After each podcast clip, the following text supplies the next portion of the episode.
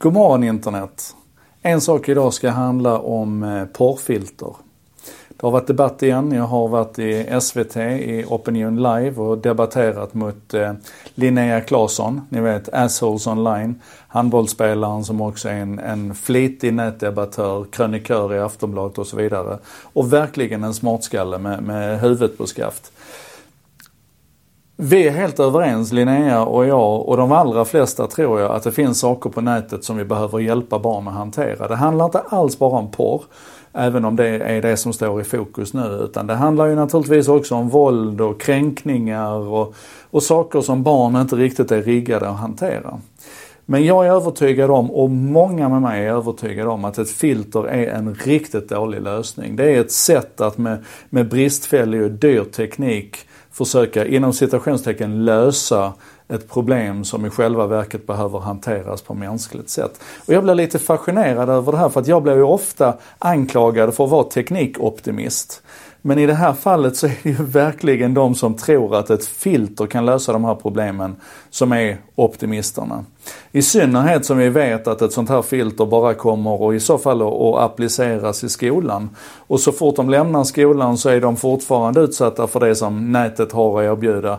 Och ingen vuxen har funnits till hands då för att kunna hantera situationerna när de, när de uppstår. Skolinspektionen släppte i förrgår, tror jag det var, en rapport om hur dåliga skolorna är på att hantera sex och samlevnadsundervisning och, och paketera och baka in det tillsammans med skolans värdegrund. Och här menar man då i den här debatten då att vi, liksom de lärare som idag säger att man har svårt för det här och att man inte riktigt vet hur man ska hantera diskussionerna runt en sån sak som porr jag menar de kommer ju bara säga, nej men gud vad skönt, nu har vi ett filter, nu, nu kan vi slippa ta den här diskussionen helt och hållet. Det finns många skäl till detta. Jag ska länka till en debatt, debattartikel som, som jag och några andra smartskallar skrev tillsammans om den här filterproblematiken. Så jag tänkte istället lägga den här stunden på att faktiskt tipsa lite grann om vad man kan göra istället. Om vi nu inte ska ha filter då, hur kan vi vuxna agera här? Ehm, och jag har lånat en lista ifrån en eh, sajt som heter Surfa Lugnt som är ett jättebra initiativ som vill ge oss vuxna råd och stöd i hur vi ska kunna hjälpa våra barn och faktiskt också hjälpa oss själva. Och det här är åtta steg. Den första punkten, det är inte steg, det är inte ett 12 punkters program som är olika steg, utan det är åtta punkter och man behöver ta till sig alla de här åtta punkterna. Det första det handlar om att du tar en liten stund varje dag och pratar om vad som har hänt på internet. Precis som du frågar dina barn vad, vad de har ätit till lunch i skolan och, och hur det gick på fotbollsträningen så frågar du, har det hänt någonting på internet idag? Den andra punkten det är att faktiskt våga vara vuxen och sätta gränser. Och att, att ta vuxenansvaret, det handlar inte om att generellt liksom boxa in och skydda och hålla undan. Utan det handlar om att, att våga gå in i de enskilda situationerna och, och sätta gränser. Det kan handla om sånt som att man, att man fastnar med sin, sin surfplatta, att man inte sover ordentligt på nätterna och sådär. Och då behövs det gränser, men inte generellt utan situationsanpassat. Den tredje punkten är nog en av de viktigaste tror jag, det är att våga vara nyfiken. Att, att låta barnen hjälpa dig, att lära dig. Fråga hur det fungerar. Hur, hur funkar den här tjänsten? Vad gör ni här? Hur kommunicerar ni här? Vad är det för bilder ni har här? Kopplat till det så ligger den fjärde punkten som handlar om att lära sig själv. Alltså ska vi, ska vi kunna vara en resurs för, för barnen så måste vi börja med oss själva. När jag jobbar med företag internationellt så pratar jag ofta om digital acumen. Alltså man behöver kunna tillräckligt mycket om tekniken och, och internet och den digitala världen för att fatta välgrundade och kloka beslut. Och, och det är en process som du måste göra själv.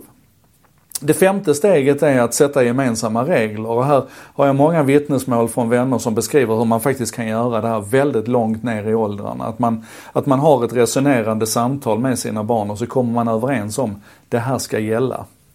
Eh, och, och, och, kopplat till det så kan vi hoppa till punkt 7 då, för där handlar det om att vara en bra förebild. Alltså de reglerna som ni sätter upp och de kraven som du ställer på barnen. Där måste du ju lära, leva som du lär också själv. Att, att ibland faktiskt så lägga undan mobiltelefonen och, och delta aktivt i det, i det fysiska mötet. Är ni med? De gör inte som vi säger, de gör som vi gör och då är det jätteviktigt.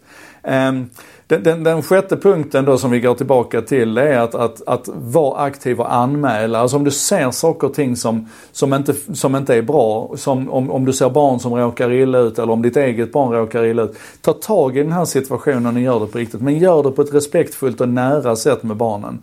För det värsta som kan hända det är att de blir rädda för att prata med dig. Så ni måste liksom hänga ihop här. Och den åttonde och sista punkten, den borde vara självklar, men den, den, den handlar om att vara där. Att vara närvarande. Det betyder inte att du i varje ögonblick och varje sekund måste hänga över barnen och titta vad de gör för någonting.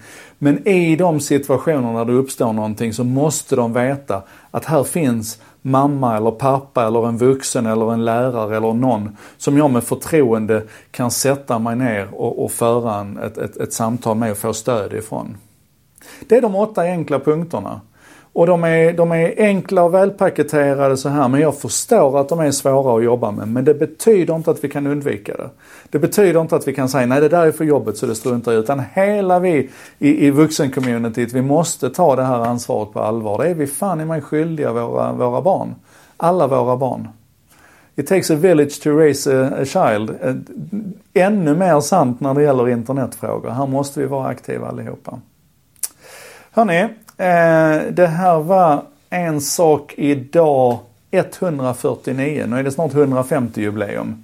Skapades av mig, Joakim Jardenberg, med stöd från Bredband2 Contentor. Bredband2 är internetoperatören som gillar internet, precis som vi.